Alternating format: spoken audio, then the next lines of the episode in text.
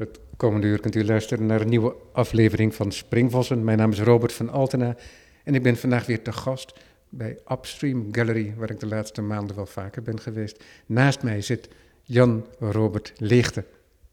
Goeiedag. Dag Jan Robert, fijn dat je met me in gesprek wilt gaan. De directe aanleiding, die is er nu. Die directe aanleiding, dat is een tentoonstelling in een hele mooie reeks in het Van Gogh Museum. Een reeks die ook met jouw presentatie helaas ten einde komt. Is een reeks die opgezet is door conservator Maite van Dijk.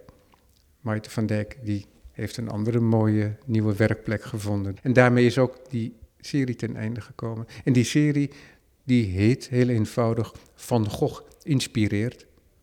Er zaten levende kunstenaars in, zoals Steven Aalders ook bijvoorbeeld, die ik ook daar sprak, maar ook al overleden kunstenaars, zoals Francis Bacon. Dus het was een, een heel breed veld waar Maite van Dijk uit kon putten. En zo is zo ook bij jou terechtgekomen. Weet je nog hoe dat tot stand is gekomen, dat contact? Ja, nee, zeker. Ik, um, ik had dit werk eigenlijk op de plank liggen. En uh, ik heb het in 2016 gemaakt. Dus een serie van vijf websites. En ze waren ook naar aanleiding van Van Gogh gemaakt. Dus ik had een tentoonstelling. Ik zat ooit in een groepstentoonstelling in het voormalige Moti Museum in Breda. Uh, door Cornel Bierens gecureerd. En dat was een tentoonstelling van Gogh minis met pak beet 100, 150 kunstenaars. Um, die allemaal een, uh, een maquette schaal, schoenendoos schaal werk moesten inleveren. Het is een wonderlijke tentoonstelling. Je ziet allemaal soort kijkdoosjes. Iedereen ging op schaal werken. En toen had ik een soort aanzetje hiertoe gemaakt. Um, en die heb ik verder uitgewerkt. Uh, eigenlijk meer soort toegeëigend naar mijn eigen oeuvre. Van, vanuit dat, die constraints van die tentoonstelling. En, en die serie websites gemaakt. En dat was eigenlijk ja, een verlengde van mijn werklicht. En die lagen daar dus al die tijd op de plank. En ik heb ze wel tentoongesteld in mijn eerste solo. Ik denk dat dat de reden is dat ik ze ben gaan maken. Eerste solo hier bij Upstream, dat was denk ik ook in dat jaar. Um, daar waren ze te zien. En toen kende ik via via Maite. En toen heb ik stoute schoenen aangetrokken en een pdfje opgestuurd. Zei van, volgens mij moeten jullie dit laten zien. Toen kreeg ik heel goed nieuws. Toen mocht ik het laten zien. Als Mooi. laatste in de reeks, ja. ja. ja. Digitaal werk, Exact. Is dat altijd het geval? Het is, het, het is het, wel een, het centrale thema. Eigenlijk onderzoek ik dit uh, nieuwe medium in, in, uh, in zijn artistieke waarde, kwaliteiten en uh, wat het materiaal is. Um, want toen ik het aantrof in de jaren negentig was het wel echt een, een wild westen, een soort onontdekt territorium. Maar ook want als ik daar met uh, het duo Jodi over ja. sprak, uh, twee jaar geleden denk ik, daar hangt ook een soort romantiek omheen. Hè? Want er waren ook heel veel uh, verwachtingen van, die ook samenhingen, denk ik, enigszins met een soort revolutie die het teweeg zou kunnen brengen in de maatschappij. Die heeft het ook gebracht natuurlijk, alleen zonder de romantische zijdes daarvan. De realiteit, eh, die, eh, die haalde de dromen in, als het ware. En dat hangt heel erg een beetje boven dat vroege internet ook. Ja. Ja, ik zeg ook altijd, je hebt uh, twee golven internetkunst. En uh, dus je hebt de eerste, eerste generatie, de jaren 90, en de tweede generatie zo rond 2008 ook wel de post-internet generatie genoemd. Uh, dus je hebt eigenlijk twee grote golven reacties op het internet vanuit de kunst. En die zijn dag en nacht. Die zijn werkelijk onvergelijkbaar. En de eerste is, daar worden ook heel veel grapjes en, en uh, interne memes binnen de kunst over gemaakt. Maar je kan het je ook voorstellen, de eerste groep waartoe ik nog behoorde, net. Ik zit een beetje ertussenin. Maar ik begon in 97. En um, de eerste groep was natuurlijk een groep volwassen kunstenaars die in aanraking kwamen met een heel nieuw medium. Dus het medium was nog helemaal in de kinderschoenen en de kunstenaars waren al volwassen. Dus die namen een, een, kunstenaarsattitude mee en een geschiedenis met een nieuw medium. En die gingen er daarmee aan de slag. En die tweede groep, die was opgegroeid met het internet. Dus het zat echt in hun tenen. En gingen toen kunst maken. Nou, dus, dus dat, is sowieso al een gespiegelde uh, aanpak. En dus je merkt, en het internet was toen al volwassener, toen zij dus aan de slag gingen. Dus de eerste groep is heel erg, noem het. Jody is wel eens um, internetmodernisten genoemd, omdat, nou, en dat, dat kenmerkt ons eigenlijk allemaal een beetje, dat we allemaal heel erg op het materiaal zijn. En, en, um, en een, ja, een soort fenomenologische benadering van het medium, van wat is het precies en hoe verhoudt het lichaam zich daartoe. En dat, ik, dat zit bij mij ook heel sterk. En um, het tweede generatie is veel meer op de content. Het gaat heel erg over, veel minder over wat het technisch precies is of um, wat de materialen kwaliteit zijn. Maar die zijn ontzettend op, de, ja, op, op culturele fenomenen binnen het internet. Die waren er ook veel minder in de jaren negentig. Dus die zijn ook veel volwassener. Dus zitten veel meer op rare ja, beeldcultuur en memes en, en, en, en, een soort van slang die ontstaat. En, en ook een soort van outsider fenomenen en uh, een soort, soort amateurkunst. Uh, uh, dus je krijgt een hele andere benadering. Plus dat de eerste generatie heel puristisch was en wat idealistischer. Daar had ik ook heel veel moeite mee dat ik in het eerste, in het begin, um, heel, heel precies was. Van dit werk moet precies zo getoond worden en anti-institutioneel, want die instituties interesseerden zich nog helemaal niet voor wat wij deden. Dus we, leefden in een soort parallele wereld. Ze waren heel precies in hoe we dingen toonden en um, software moet je als live software laten zien. Die moet je ook niet hermediëren en dat soort dingen. Wat is eh, dat, hermediëren? Ja, dat je, dat je een heel mooi algoritme aan het werk zet, maar dan daar een video van bakt en dat laat zien. Dat was uit en boos. Dat kon echt niet. Het, het moest, altijd zou je aan niets kunnen zien, het moest conceptueel zo zijn, want dat was de elegantie van het algoritme. Dat was het aard van het beestje en, dat, en daar ging het om. En de tweede, uh, die, die tweede golf was ook veel pragmatischer in. Die wilde, die wilde in een galerie staan, die wilde verkopen, die wilde in de kunstwereld doorbreken. Die had ook veel, ja, wat zijn het, een soort van uh, wereldlijkere ambities daarin. Uh, dus het werk werd daar vaak ook op aangepast. Dat werd dan bijvoorbeeld uitgeprint of uh, video's van gemaakt, wat ik net zei, en, zodat je het kon ophangen en, en dat het verhandeld kon worden. En, en dat, was, dat, dat creëerde een enorme spanningsveld tussen die twee groepen. Dus je had echt die immateriële kunstenaars die heel idealistisch waren, anti-institutioneel. En dan deze groep die eigenlijk met uitspraken kwamen als ik, ik ben gek op de white cube en dat soort dingen. Ik zeg het nog steeds met een raar gezicht, terwijl ik het inmiddels helemaal accepteer. Maar ik, die spannings, dat spanningsveld was heel groot. En daar zat jij precies zat tussen? dwars tussen, ja. ja. En ik merkte dat me dat ook echt wel uh, een paar jaar heel even verward. Ik moest mezelf daar heel erg in hervinden. Want ik was, um, ik was ook altijd met de beeldende kunst bezig. Ook in de jaren 90. Dus mijn werk ging altijd een relatie aan met de kunstgeschiedenis. En dat paste niet in de schoen van de jaren 90. Dat was, daar was ik een beetje ouderwets in, als het ware. Eigenlijk moest je dat allemaal loslaten en, en, een nieuwe geschiedenis beginnen met een nieuw medium. En ik had zo van, ja, maar hoe verhoudt het zich nou tot de minimalisten of de, uh, of de impressionisten of wat dan ook? Of is het performancekunst of is het installatiekunst? En dat, dit discours was er toen niet.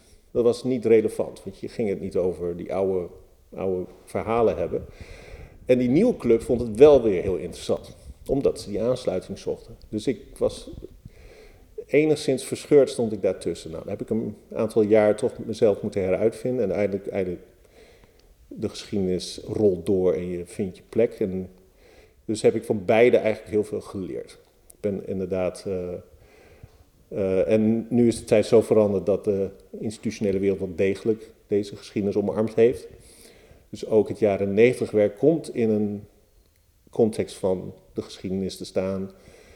Er zijn mensen afgevallen, er zijn mensen gebleven en uiteindelijk is het geschiedenis geworden. Dus ik, het klopt nu allemaal zo. Dus alles is tot rust gekomen en, uh, en, eigenlijk, en die twee generaties zijn allemaal goede vrienden geworden. Dus het is, het is uiteindelijk...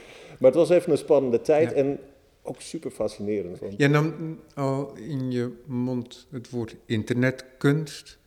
Dat is in ieder geval het geval met het werk wat we vandaag centraal stellen. Je compressed landscapes die dan in het Van Gogh te zien zijn. En voor de luisteraar, ja, het Van Gogh Museum is dicht, maar het is internetkunst. Zeker. Ook, dus die werken die zijn ook geïnstalleerd in de zaal. Die zijn daar ook te zien. Vier panelen, meen Vijf. ik? Vijf panelen.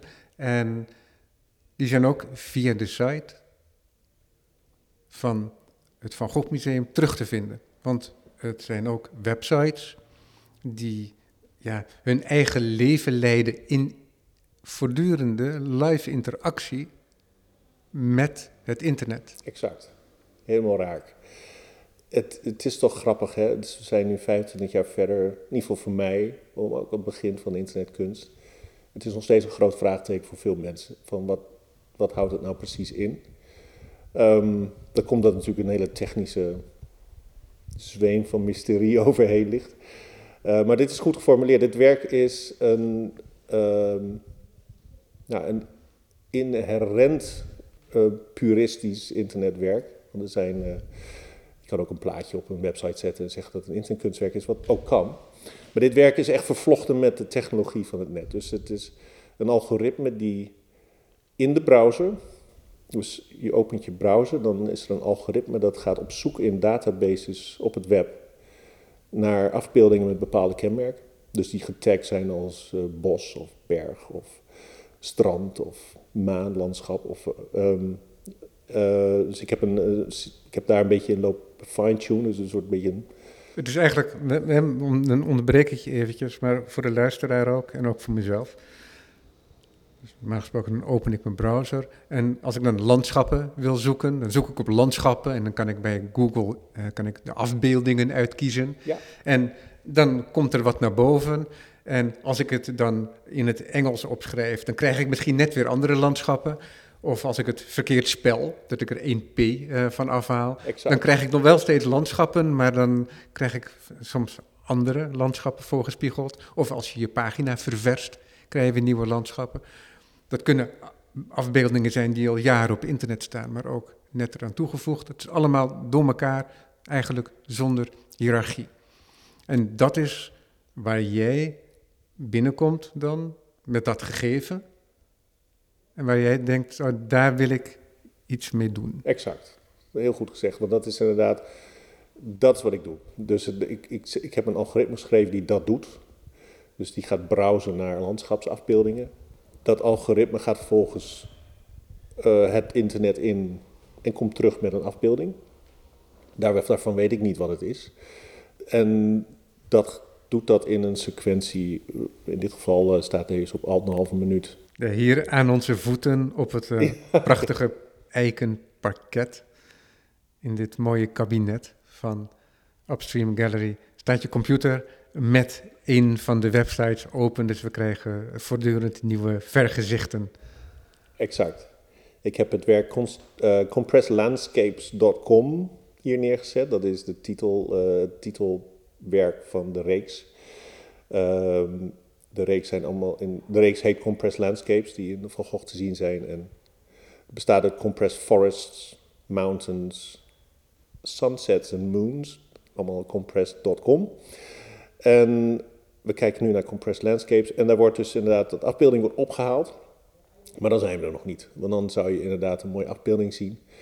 En, en dan komt het compressed aspect. Dan ga ik, we kennen allemaal het fenomeen als een afbeelding er niet helemaal goed uitziet uh, in drukwerk of uh, ook op het internet. Die rare uh, korzelige randjes eromheen.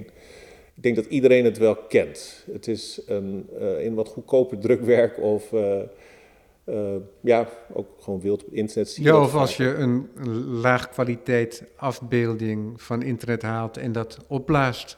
Ja. Omdat je het beter wil zien. En dan blijkt dat je het eigenlijk niet beter kunt zien. Exact, ja. Daar is hij niet voor gemaakt. Dan zie je de zwakke punten erin en merk je dat het, hè, de kwaliteit gewoon niet goed genoeg is. Dat komt omdat het. Uh, nou, dat is dus ook, dit is ook een heel oud principe. Dus het, natuurlijk in de, vroeger uh, in de jaren negentig ging het heel langzaam met het uploaden van, van, van uh, materiaal, maar ook het downloaden. Dus als je naar een website ging, moest je vaak echt 10 seconden wachten voordat de afbeelding ingeladen was. Dus was het uh, praktijk om die, die afbeelding zo klein mogelijk te houden in bestandsgrootte. En daar zijn natuurlijk heel veel knappe koppen zijn daar uh, compressiemethodes voor gaan schrijven. En, en, dat zijn in feite ja, soort protocollen, uh, soort hè, um, ja, systemen om die afbeeldingen zo mooi mogelijk te houden, maar wel zo klein mogelijk te houden. Ja, want het is indrukwekkend dat ik krijg van kunstenaars soms niet TIFF-bestanden. Dat zijn, zijn vaak hele zware bestanden, zo 40 MB voor één afbeelding. En de afbeeldingen die ik vaak gebruik, want die kan ik niet gebruiken zelf, als ik het bij de aankondiging wil plaatsen van de uitzending, die, die zet ik dan om tot een JPEGje. Maar dan is het verbazingwekkend wat voor beeldkwaliteit je nog hebt. In ieder geval op een scherm. Hè, want als je het zou printen, dan zou het denk ik ontmaskerd worden. Maar wat voor een beeldkwaliteit je kunt hebben als je het zelfs terugbrengt tot iets kleiner dan een MB. Absoluut. En, um, en dat heeft te maken met ja, de kunst van het comprimeren, denk ik. Ja, absoluut. En um, JPEG, je noemde het al, dat is de compressor die ik gebruik. En dat is de meest bekende. En dat is eigenlijk de, uh, ja, de alomvattende compressiemethode die in het digitale landschap plaatsvindt. En je moet beseffen dat eigenlijk elke afbeelding die, die je uploadt naar een sociaal medium, het zij Instagram, Facebook, wat je noemt, of naar een fotodatabase, het wordt altijd gecompressed. Um, want bandbreedte kost geld. Dus je wilt zorgen dat alles zo klein mogelijk is. Dus alles wat je publiek zet, wordt, wordt dus in, uh, gereduceerd in kwaliteit. Uh, of je het nou wil of niet. En dat zie je ook vaak. Ook bij Instagram doen ze natuurlijk hun uiterste best, maar uh, bij sommige afbeeldingen ga je toch merken van hé, hey, het zag er mooier uit toen ik het uh, op mijn computer had. En dit, dit is een beroemd compressietechniek. En, en het, het, heeft een bepaalde kwaliteit, esthetisch. Ik, ik, ik onderbreek je even, er staat nu een, een zwart-wit landschap. Een foto met een soort berger, lage bergrug. Bergbewoners zullen het een heuvelrug noemen. En met een mooie hemel die oplicht, net van achter de heuvelrug. En dan donker uitlopend naar de hemel. Maar het is echt zo prachtig in orthogonale, in een orthogonale onderverdeling te, uh, losgebracht, waardoor je een volledig nieuw landschap krijgt. Echt schitterend. Ja, ja. Het, is een, het is een prachtcompressietechniek. Het is echt heel mooi. Het is ook echt, dit werk is een eerbetoon daar ook aan, deels. Hè. Uh, um, het probeert zoveel mogelijk de uniforme vlakken en kleur uh, plat te slaan. En waar, het, waar de definitie ingewikkeld wordt. Hè. Dus je, uh, als iets van blauw in een, naar groen omgaat, een horizonlijn bijvoorbeeld, daar ja. moet het dan heel veel werk doen. Ja, ja, want wat me nu opvalt, toen ik eerder keek, thuis, op mijn eigen computer, toen leek het net alsof alles hetzelfde stramien had. En dat waren afbeeldingen die allemaal in vierkantjes waren opgedeeld. Het zag er een beetje uit als het klassieke onderparket, wat ook wel eens als parket wordt gebruikt. En dat zijn dan niet de stroken, maar dat zijn dan van die um, vier smalle strookjes die dan tot vierkant werden gemaakt. Ik geloof voor vijf misschien. En, dat, en dan had je allemaal een patroon met allemaal van die kleine vierkantjes. En zo zag dat scherm er een beetje uit. Maar de afbeeldingen die ik nu zie, die als het ware verrijkt, verrijkt zijn door de verarming hè, van de beeldkwaliteit, die hebben een hele andere onderverdeling. Dus, want ik zie ook horizontale balkjes en er is niet in direct een uh, vast grid te herleiden. Als we goed kijken zien we dat grid wel. Ja. Uh, in principe, uh, ik heb dat ook in het werk um, heb ik die, het blokgrootte bepaald.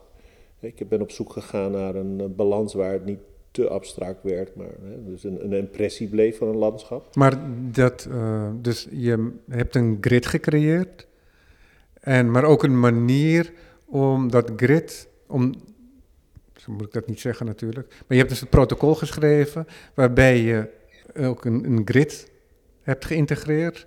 En dat reageert op de afbeelding. Dus het soort beeld zorgt ervoor dat het grid op een bepaalde manier wordt gepresenteerd. Ja, ik, ik pas alleen maar compressie toe.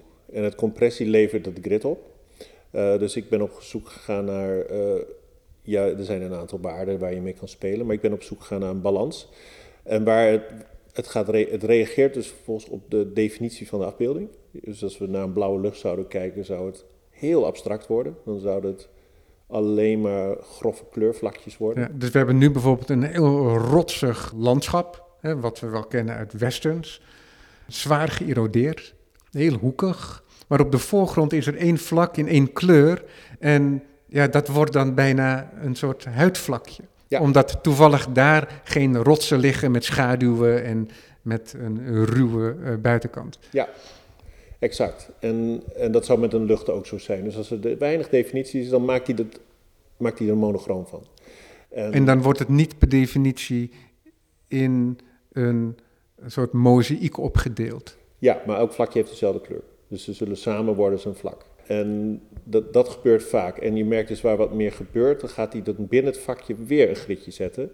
En dan gaat hij dat weer onderverdelen en dat kan nog een keer gebeuren. Dus je krijgt een soort fractal werking de diepte in. En het is dat spel wat zo typisch JPEG is. En uh, daar, daarmee, zorgt, daarmee kan hij natuurlijk heel veel winst maken. Ja, dus het grid is er wel, ook als ik het niet zie. Ja, ja, exact. Ja. En, uh, en hoe die die vlakjes doet is ook heel specifiek. Want soms krijg je verticale kolommetjes of horizontale vlakjes. Dus er zit altijd wel dat orthogonale aspect aan. Ja.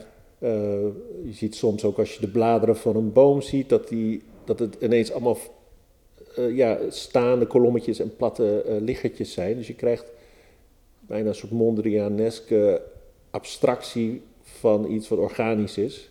Jan Robert, heb jij dat protocol geschreven en van logaritme. En was dat het dan? En vervolgens heb je het zijn werk laten doen? Of ga je daarna nog kijken wat voor resultaat het heeft en ga je daarna nog bijvoorbeeld aanpassen? Omdat je het nog niet het gewenste resultaat hebt. Ehm, ja, maar dat moet ik generalistisch doen, want het moet alle afbeeldingen aankunnen. Nee, dat begrijp ik. Het is dus één, dus ik ben in het begin inderdaad veel gaan sparren en heel veel dingen langs. Ja, want, want het gekke is dat jij een heel specifiek zelf een protocol schrijft. Op je eigen computer, op je eigen server. En vervolgens laat je dat los op internet. En ja, dat is voortdurend in beweging. Ja. er zijn misschien ook afbeeldingen die bovenkomen, die er al langer weer afgehaald zijn elders. Ja. Maar vermenigvuldigd zijn geraakt. Ja.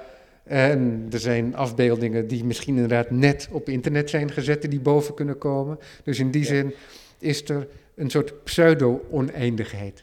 Ja. Waar, je, waar die ehm, specifieke formulering van jou mee in uh, relatie treedt. Ja. Ja, en dat is dat tweede landschap. Dat is het landschap van informatie waar, waar het werk mee speelt. Uh, het abstracte landschap, inderdaad. Ja, dat zijn die serverparken. En dat is die wandeling die dat algoritme maakt door die afbeeldingen. En we zagen net een zwarte. En dus hij, heeft hij een adres gevonden waar iets al weg is gehaald. Dus kwam hij met niks terug. Dus was oké, nou dat is dan maar zo. Het was een, een, een dood spoor. Uh, Blijft hij dan wel net zo lang staan? Ja, ja. En uh, dat is ook een leuk fenomeen. Ja, want we hebben nu een zonsondergang die eruit ziet als de ontploffing van een atoombom. Ja, exact. Exact, die schillen van... Je kunt het echt niet bedenken. Ik nodig mensen echt uit om te gaan kijken en ook luisteren naar dit gesprek. De links die zal ik ook gewoon opnemen in de aankondiging. Dus dan kunt u ze ook op die manier terugvinden. Maar goed, laten we verder gaan, want dat is interessant natuurlijk. Omdat het altijd een niet-fysieke wereld lijkt. En dat is ook wat het vaak, uh, die relatie met de bestaande beeldende kunst uh, weerspannig maakte. En tegelijkertijd is er, en dat is iets wat we vergeten, maar wat de laatste maanden wat meer opkomt, omdat er ook een hele fysieke wereld achter schuilt. Hè? Want je hebt het over dat abstracte landschap, wat achter deze landschappen schuilt. Maar je hebt natuurlijk ook de verandering van het landschap, van ons fysieke landschap, door alle datacentra. Ja. En dat is nu ook in Noord-Holland heel erg het geval geweest, een discussie geweest. Ja. Exact. ja, dat is iets wat me ook. Uh, die complexiteit van de fysiek, fysieke as, uh, weerslag van het digitale werk, dat is iets wat me ook meer en meer interesseert. Dat is iets wat we in de jaren negentig niet over hadden. Bestond niet. Dat is wel grappig. Je zou zeggen als, uh, als um, ja, een soort internetmodernist dat je daar bewust van bent. Maar dat was ook een naïviteit van, van die tijd. Ja, maar dan had je ook daarbij een soort Jules Verne positie in moeten nemen. Griet titulaar, zo je wilt. Het huis van de toekomst. Uh, waar, waar, gaat dit heen? En die mensen zullen er ook zijn geweest, ongetwijfeld. Ja, ja en uh, er waren natuurlijk al serverparken, en, uh, maar die waren natuurlijk veel kleiner. En dat, wij zagen daar nog geen probleem in. En, en onze eigen computers, dat dat uit materiaal gemaakt was, wat een dubieuze achtergrond had, daar dachten we ook nog niet over na. Dat is echt een, een andere tijd. Uh, dus, dus ja, dat gewicht is heel erg veranderd. Ja, maar dat is ook verbonden tegelijkertijd met deze landschappen. Absoluut. He, deze landschappen die de fysieke wereld laten zien, ja. maar op een manier zoals dat alleen maar in de digitale wereld kan. Ja. Dus het is uh, reizen via je scherm. Ja. Wat ook heel prettig is dat dat nu kan gedurende de pandemie. Maar tegelijkertijd is het ook zo dat het landschap, ja, dat is ook een van de grote kunsthistorische categorieën exact. geworden sinds zo'n vier, vijf eeuwen. Ja, en dat maakt. Dat is ook een reden dat ik vaak met deze um, live werken, met het internet werk, is om onze relatie met het landschapsafbeelding eigenlijk opnieuw te bekijken. Um, ik doe het, het expres met een algoritme, omdat daardoor ook die plekken gedelokaliseerd worden. En dat is een ongemakkelijke positie. Dus je hebt ineens te maken met een landschap waarvan je eigenlijk niet meer, je weet niet wat het is, je weet niet waar het is, je weet niet wie het gemaakt heeft. Uh, je weet alleen dat het een bestandje ergens op een server is en meer niet. En dat is natuurlijk iets wat de landschapstraditie altijd niet had. Het was een heel heldere relatie van maker en plek. En dat is nu helemaal weg. Um, toch hebben we nog steeds een soort herinnering of een associatie met landschapsafbeeldingen. Dus we hebben er nog steeds wel op. En schoon er natuurlijk ook kunstenaars zijn en waren die fantasielandschappen maakten. Absoluut, dat is een mooie. Ja, dat is natuurlijk hier niet zo. Je weet dat het iemand heeft dat geschoten. Het is een plek. Uh, maar het is helemaal waar misschien dat iemand er een fantasielandschap... Breugels van deze wereld. En, en, god, hoe heet die schilder ook alweer die een aantal jaar geleden in het Rijksmuseum tentoon werd gesteld. Nou, zijn naam ontschiet me. Curieuze kunstenaar. Maar dat bestaat ook ja. in die zin. Dus het gemaakte, het gedroomde landschap. Wat toch ook iets krijgt van een soort Arcadia. Hè? Ja. Het, uh, een soort uh, ja, Edenisch landschap. Ja, dan, dat, een soort onschuld. Dat doet me denken, want dat is natuurlijk ook, dat, is een, dat doe ik ook met andere werken. Ik heb hier ook een, natuurlijk een installatie getoond met mijn laatste solo. Dat was, nou, precies vorig jaar. Ja, Inside, Outside. Ja, precies. Dat was de laatste tentoonstelling, daar gaan we weer. Ik heb iets met de laatste tentoonstellingen. De laatste voor de corona, voordat het hier dichtging. Dus ik, was net, uh, ik had net nog geluk. En... Uh, daar toonde ik een installatie, een, een negen, uh, nine channel zoals men dat noemt. Een, een, installatie bestaat uit negen aparte videowerken. Deels projecties, deels schermen. En die, en die stonden eigenlijk een beetje willekeurig in de ruimte. Die schermen lagen op de grond en stonden tegen de muur en hingen aan de muur. En projecties die bliezen eigenlijk over Um, ook vrij willekeurig delen van het, de ruimte, dus half op de vloer, wand. Of ja, dus je zat, als je daar dat bezocht, dan liep je ook in de geprojecteerde landschappen. Exact. Het voelde niet als een, een lijstje waar je naar keek, maar je stond er echt in. Je werd er deel van. Plus uh, stevig, flink hard geluid van, uh, van, het, van het landschap. Wat een van de blikken, een van die negen blikken was een, een, storm uh, aan de kust. Dus die hoorde je. Die had ik uitgekozen als uh, audioondersteuning. En dat gehele landschap was, zoals je zegt, eh, virtueel. Compleet niet bestaand en gemaakt door een computer. Ehm, dus dat staat eigenlijk haaks op deze serie die heel erg gemaakt van de, hè, dat de, de, echte natuur en het, de afbeeldingen daarvan die eigenlijk een hele andere status krijgen in dat anonieme, in, dat, in die enorme databases. Ehm, en hoe wij ons daarvan verhouden. En, en dit is eigenlijk de computer in volle glorie die een landschap maakt, wat we zo goed kennen uit de games. En, ehm, maar ook Hollywood uh, maakt zeer veel gebruik van, van een uh, ja, CGI, niet bestaande beelden, kunstmatig geschapen beelden. En um, dat is dus een ander aspect van het landschap wat ik ook toepas. maar is dat een landschap dat jij volledig creëert of is het landschap dat jij ergens leent? Ik maak vrijwel nooit iets. Dus dat is, uh, ik ben niet zo heel erg geïnteresseerd in het maken van iets. Uh, dat Want waar kwam dat landschap uh, uit voort wat hier dan geprojecteerd werd een jaar geleden in de ruimte um, achter deze eikenhouten deur? Ik had, ik, ik, vanuit een concept had ik het landschap gemaakt, maar voor de rest heb ik eigenlijk daar simulatoren op losgelaten. Dus ik heb gezegd, um, er zat een element in uh, een eiland. Het was een eiland uh, in, een, in een oceaan die de, door, door, door, erosie was, uh, was verweerd. Een suggestie alsof het al honderdduizend jaar. Uh, aan, maar er was ook iets van een oude constructie, exact, dacht ik. Ja. Van een soort, soort oude havenconstructie, ja. een soort dok. Ja, en dat, dat is heel specifiek, maar dat is eigenlijk een heel anekdotisch element van mijzelf. Ik had de computerinterface van mijn allereerste programmaatje met, met wie ik mijn allereerste bestand op het internet had gezet. Daar had je programma's voor. Vroeger, tegenwoordig doet iedereen dat via Instagram. Maar vroeger had je een programmaatje en dan kon je van je, van je lokale bestand sleep je van één raampje naar een ander raampje, sleep je een bestand en dan werd het zo upgeload naar een server en dan stond het op het web.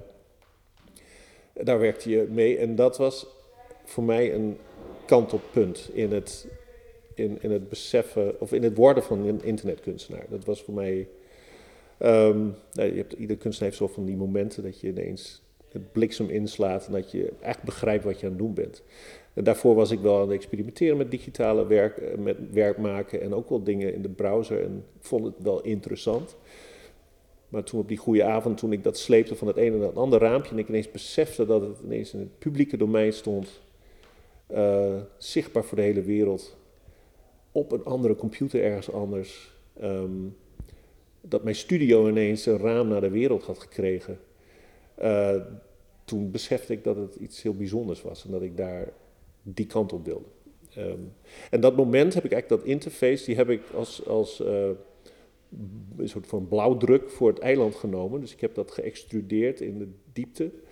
Uh, en dat heb ik in die oceaan gegooid en heb ik volgens um, die simulatoren de opdracht gegeven, nou behandel het als een eiland. En die heb volgens rotsen gemaakt en allemaal begroeiingen en bomen op laten groeien en, uh, en vervolgens erosie laten toepassen van duizenden jaren. En dat eiland is het centrum van het werk.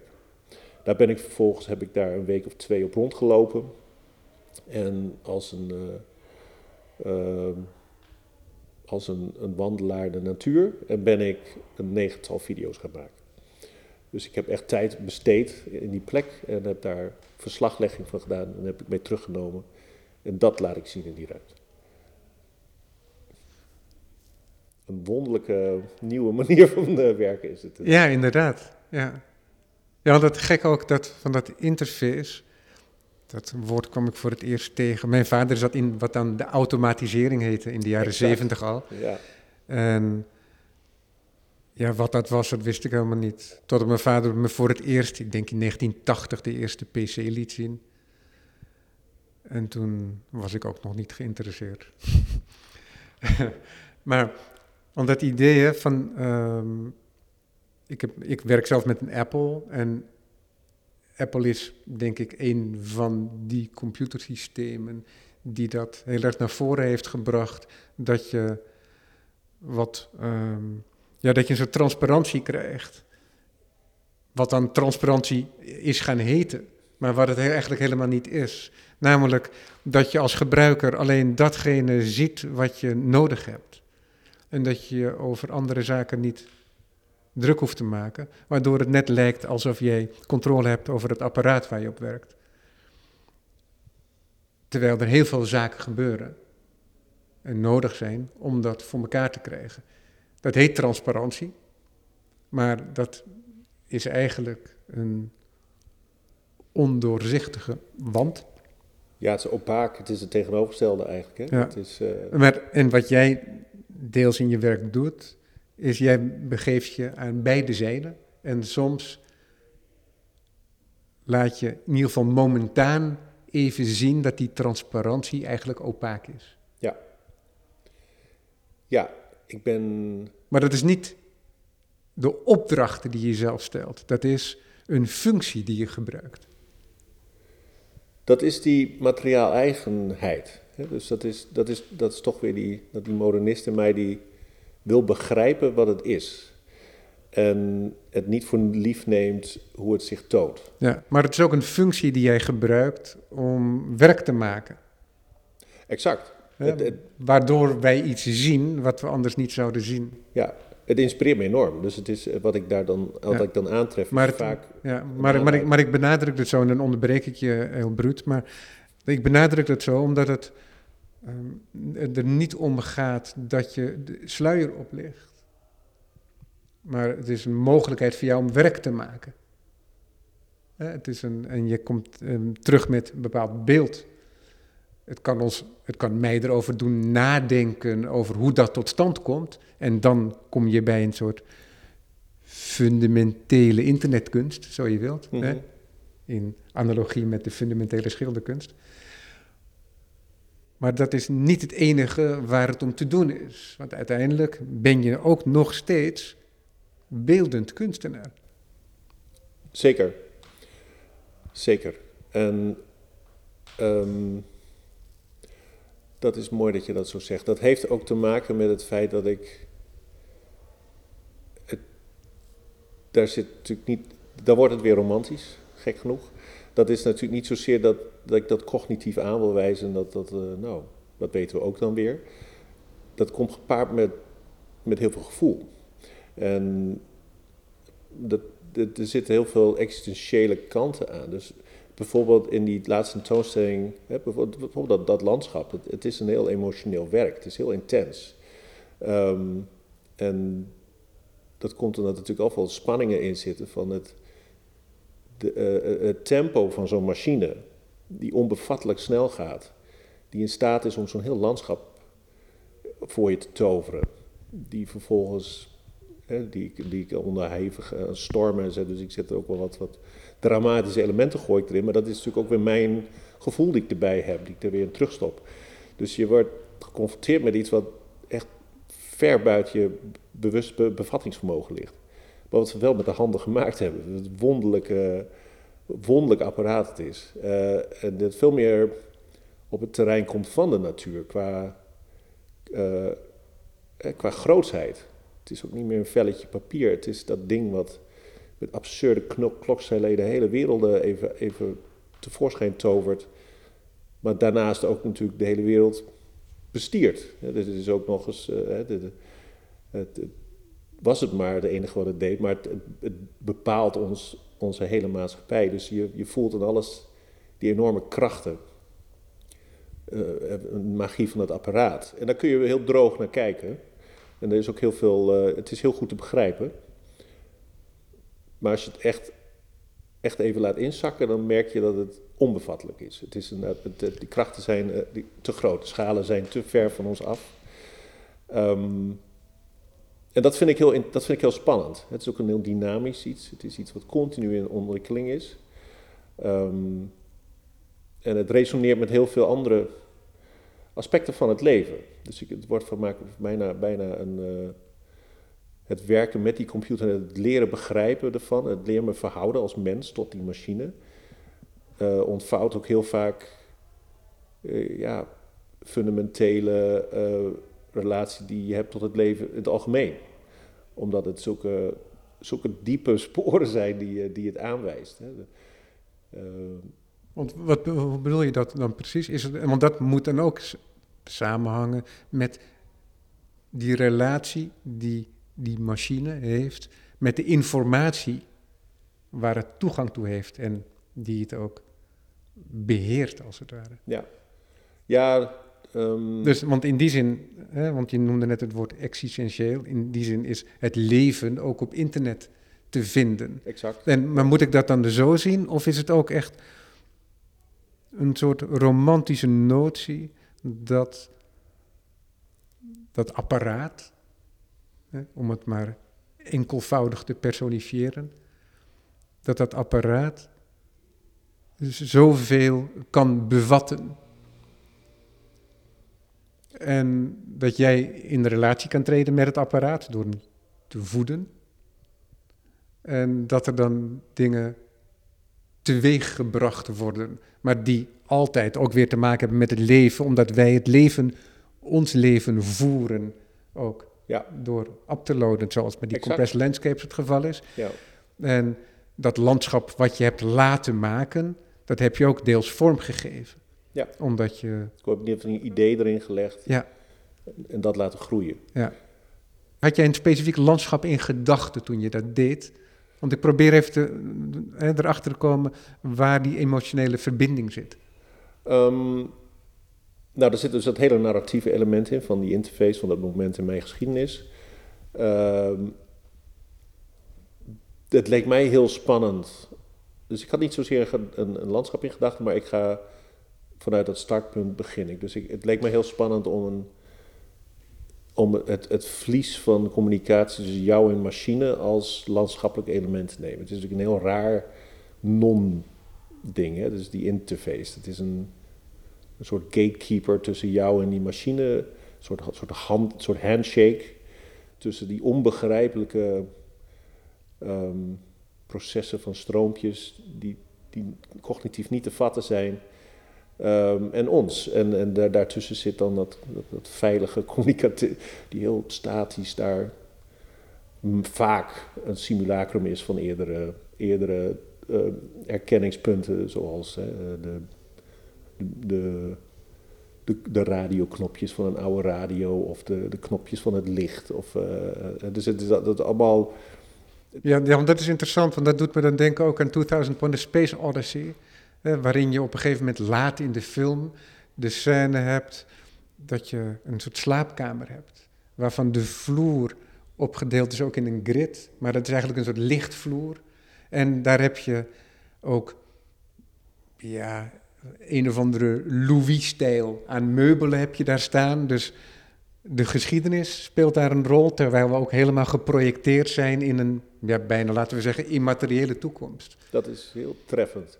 En dat is volgens mij, dat is dan de, de alien die dat, hè, die, die in de taal van de mens probeert te spreken. Dus eh, de beeld, beeldgeschiedenis van de mens gebruikt. Ja, dat, we- dat weten we Dat dus niet. hè. Dat, is, dat, is, dat is, dat is een suggestie, want Ja. het kan ook inderdaad een soort Jungiaans, archetypisch eh, beeld zijn eh, die wij zelf dromen. exact. Ja.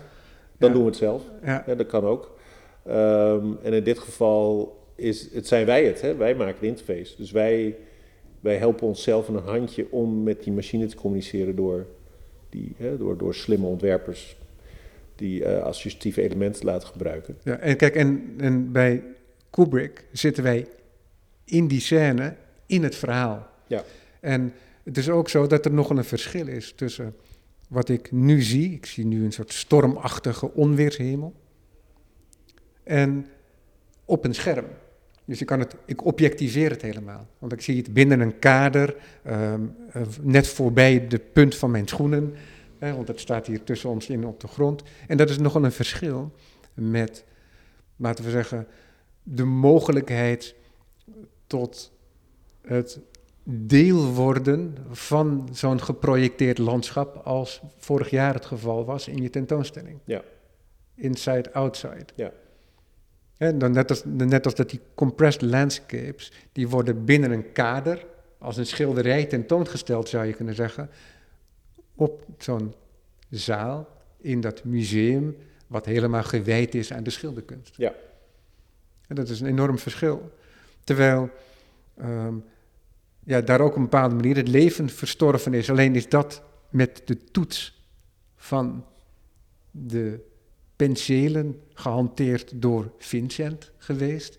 En bij jou is het zo dat jij code hebt gevoerd. Mhm. En vervolgens dat in relatie laat treden met ja, die overweldigende hoeveelheid informatie. Die Ja. ongestuurde hoeveelheid informatie. Die dan wel via bepaalde kanalen, hè, de zoekfunctie, eh, weer naar boven kan worden gebracht. Ja, alleen daar ligt, de, daar ligt de nadruk op mijn handeling. En die is, er, die is ook belangrijk, dat is natuurlijk de keuze die je maakt. Maar wat ik zo spannend vind daar in het Van Gogh is dat dit werk eigenlijk het hele proces van het totstand komen van een Van Gogh doorloopt. Dus het algoritme gaat de wildernis in, vindt een plek, legt deze vast, maakt een impressie en toont hem weer in die lijst, in die galerieruimte. Dus je krijgt, het, is een heel, het, hele proces van maken zit erin. En er, en er komt nog bij dat Van Gogh middels zijn schilderijen, die in een ongelooflijk korte periode tot stand zijn gekomen, in zo'n tien jaar, dat hij middels zijn schilderijen ons beeld van wat een landschap is of zou kunnen zijn, ook heeft beïnvloed. Ja. En dat is niet meetbaar, maar dat is ook ergens werkzaam daar in die afbeeldingen die tevoorschijn kunnen komen. Absoluut, absoluut. Hè, dit zijn dan heel veel eh, ja, semi-professionele foto's of hè, een mengsel. Daar zit, die, daar zit die kennis in. Ja, Ja, hey, maar we zijn, we zijn, want ik stelde net een vraag en daar heb ik nog niet echt bevredigend antwoord op gehad, vind ik. En dat is, want je, je benoemde heel eventjes dat het ook heel persoonlijk is. Hm. En dat is iets waar ik het eigenlijk heel weinig heb over deze microfoon. Maar ik vind het wel heel interessant omdat dat contrast zo groot lijkt hè, tussen dat digitale en dat koude. En tegelijkertijd die binding die je hebt met wat je dan, dat je dan toont. Dat je onder indruk bent van wat je teweeg brengt misschien. Maar ik had ook de indruk dat het ook iets anders is. ja ik, ehm, daarom zei ik al, het, het, het, wat bracht mij naar de kunstacademie was bijvoorbeeld een, ehm, ik studeerde eerst architectuur. En dat vond ik heel interessant, maar ik, de, ik was veel meer geïnteresseerd in een hele, eigenlijk meer het, het begrijpen van, van het, leven, de existentie. En door middel van iets externs. En architectuur was me veel te toegepast. Wat ik wel fascinerend vond, is dat je werkt met ruimte en lichaam. Dus dat het een hele eh, belevende eh, discipline was. En dat vond ik wel heel interessant. Maar toen dacht ik, ik moet, ik moet dat, dat fundamentele gaan onderzoeken. Dus ik ben naar de academie gegaan. En dan kom je heel snel op de beeldhouwafdeling af. Dus dan ben je inderdaad ook bezig met... Ik kwam heel snel in installatiewerk terecht. Dus dat was eigenlijk architectuur in het klein. eh, met, een, eh, met een veel proefondervindelijke onderzoeksmethode van jij en, en ruimte. Ik kreeg al heel snel... eh, hè, dat was in mid jaren negentig. Grote liefde voor Bruce Nauman en ook hoe hij in zijn studio met de ruimte omging en zijn lichaam. En dat is eigenlijk een hele logische soort van hele compacte architectuur. en ook Ehm, inderdaad de relatie van een persoon en zijn lichaam Exact. met de ruimte. Totaal. En Ja. terwijl ik dat zeg, word ik me heel erg bewust hoe ik zit Ja. op een stoel en hoe de zwaartekracht op mij drukt. Maar Exact, dat, dat, dat. is ook dat hele specifieke, dat is ook deel van dat werk. Ja. Eh, dus ik ging ook dat soort dingen maken. Ik ging eh, ruimtes inrichten, ik ging daarin performen. Ik, ik, zat heel erg in die hoek te onderzoeken. En toen kwam dat mooie moment dat ik dus dat bestandje online trok. Ik was al wat langer met, met het digitale bezig. En want wat ik merkte in die installaties, dat me, wat me heel erg interesseerde, was een, ehm, ja, dat onbevattelijke van die relatie. En dat het heel, ehm, dat mat- materie, ehm, hoe jij, hè, dus eh, je, je, raakt de tafel aan, maar dat je, waarom ga je er niet dwars doorheen met je vingers bijvoorbeeld? Zodat dat die relatie heel onduidelijk is. En, en dat je dat dus door performance best wel goed kan onderzoeken. Ehm, door andere manieren van beleving. En, en, en, en, dus ik ging vaak hele grote papieren sculpturen maken die heel licht waren, maar heel zwaar leken, et cetera. Maar het voelde als een herhaling van zetten. En toen, toen liep ik dus tegen het internet aan en eigenlijk viel daar het kwartje. Eigenlijk had ik van dit is, dit is, dit is die immateriële wereld die er toch is. En het doet zich voor als iets tastbaars, maar dat is het niet. Net als een driejarige kind dat aan de rand van een plasje ziet dat er materie is, zijn hand in een in, in fontein steekt en begint te schateren, omdat zijn hand er ook in verdwijnt en daar niet mee kan ophouden, want het wonder blijft zich herhalen. Exact. Prachtig is dat. En uh, dit medium bleek dat allemaal te hebben. Het had het, het is interactief. Um, dus het is fundamenteel, gaat het een relatie aan met het lichaam. Um, het is immaterieel, dat is het helemaal niet, maar dat werd, wordt vaak van gedacht, wat natuurlijk meteen al een paradox oplevert en heel spannend is. Het, het heeft iets, dus iets architectonisch, het, voelt ook als wel als een ruimte omdat je ermee interacteert, maar het is ook weer plat. Um, het, het, heeft iets ruimtelijks van die servers, het, het, verbonden netwerk, dat is een ruimte. Dingen staan in Amerika op de server, et cetera. Um, dus ik zag het meteen als een vorm van nieuwe installatieruimte. Ik, ik noemde het ook internetinstallaties toen ik begon met websites maken. Ik zie als net installations. Het voelde voor mij niet als een continuering van schilderkunst, wat hier wel weer zo is. Maar het ging om al die complexiteit. En dat um, beantwoorden, dat is voor mij altijd een manier nu geworden om, om daarmee te sparren. Um, leer ik ook weer heel veel van deze wereld. Dus dat klinkt wel heel dramatisch, maar ook over gewoon met fysiek werk werkt en hoe de ruimte werkt. Um, dus het is ook. Het, ik, ik voel mij ook niet dan een heel. Ik heb een diepe liefde voor het digitale medium om dat heel fundamenteel uit, uit te pluizen. Maar het, informeert mij ook over het hele leven. Dus ik, ik zie mij ook niet als een hele nauwe. Oh, dan heb je zo'n digitale kunstenaar die kijkt niet verder dan. Uh, het gaat mij over het hele leven. Dus daarom gaan die werken gaan ook over landschappen. En wat is dan een landschap? En hoe onderscheidt die ervaring zich dan van een, of van een gesimuleerd landschap? Wat, wat, wat, wat zijn die verschillen? Uh, en dat zijn hele relevante vragen, want dat, dat stormt maar op ons af. Uh, wat vroeger een exotisch onderzoeksveld was waar ik zat, is mainstream geworden. En um, het zijn dus ook vragen die ik denk ook dat we met z'n allen moeten bevragen van eh, wat is dan, hoe verhoudt zich lichaam tot, tot zo'n ding? En is dat wel hetzelfde? En, dus, en, en dat emotionele zit hem gewoon in omdat het zo, omdat, ik, ik moet altijd denken, het mijn, uh, ik ben een tentoonstelling in Londen nu aan het cureren, dat heet de Digital Weird. En dat gaat eigenlijk over wat de, de weird is. En dat is iets wat me als sinds een jonge tiener fascineert. Zo van wat is wat zijn die momenten als dat, dat vlies van, van, van controle breekt en je, en je een soort rauw contact krijgt met, het, met het, hetgene waar je controle over wil hebben. En dat, dat wordt dan vaak, dat wordt tegenwoordig ook gecoind als de weird. Wat ook maar weer een woordje is.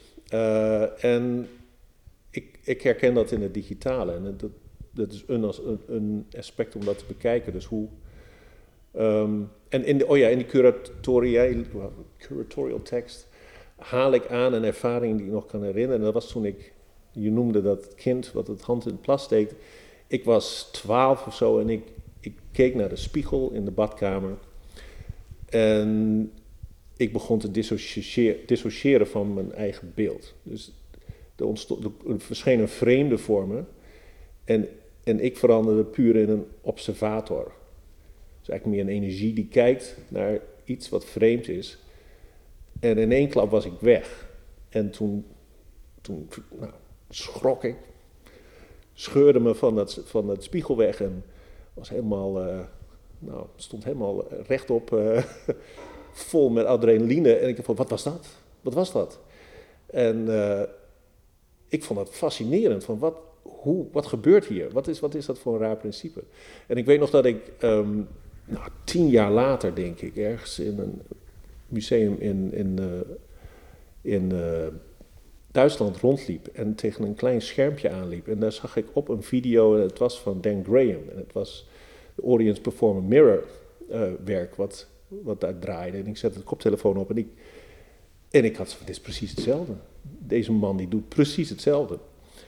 Ehm, dus het was ook weer van nu een van die momenten van, oh, ik zit, ik zit in het goede vakgebied. Dit is, dit is waar je dit soort dingen kan onderzoeken en erover kan praten.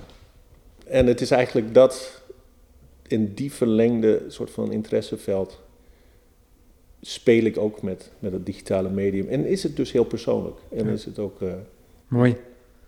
Dat is ook meteen het besluit van dit gesprek, want we zijn aan het einde van het uur beland. Jan Robert Leegte, hartelijk dank. Compressed Landscapes dus te zien via de website van het Van Gogh Museum. En de installatie bestaat ook echt in het Van Gogh Museum. Dank voor het luisteren. Hartelijk dank.